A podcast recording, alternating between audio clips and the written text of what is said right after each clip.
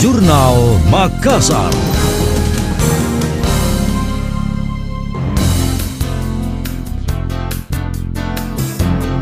Satuan Tugas Satgas COVID-19 Sulsel merilis data tingkat keterisian tempat tidur atau bed occupancy rate BOR rumah sakit yang melakukan perawatan pasien COVID-19 mulai menurun pada angka 38 persen.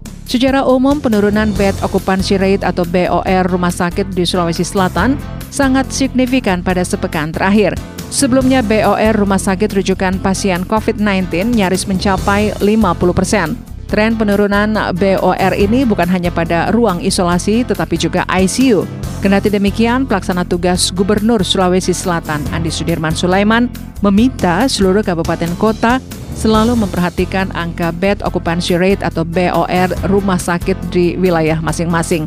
Menurutnya, kondisi tersebut jangan sampai menjadi euforia berlebihan sebab tidak ada yang mengetahui kapan pandemi COVID-19 akan berakhir. Maka kita ini sebagai pemerintah pelayanan publik, kami mohon paling tidak ini yang sering terjadi ini adalah saya kita sudah menyiapkan uh, isot-isot ya, fasilitas isolasi terintegrasi di asrama Sudian, ada BPSDM, kemudian ada isolasi apung di kota. Minimal yang positif itu yang diangkut. Karena berhadapan langsung dengan Eh, masyarakat ini tentu yang ujung tombak kita di, ada di kecamatan, desa dan sebagainya.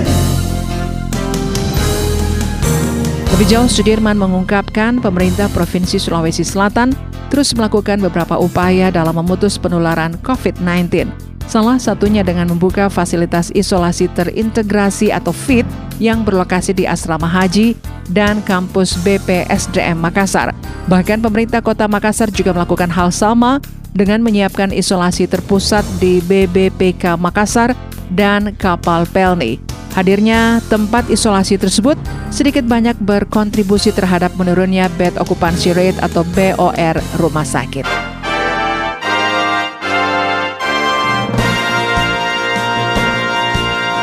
Demikian tadi, Jurnal Makassar.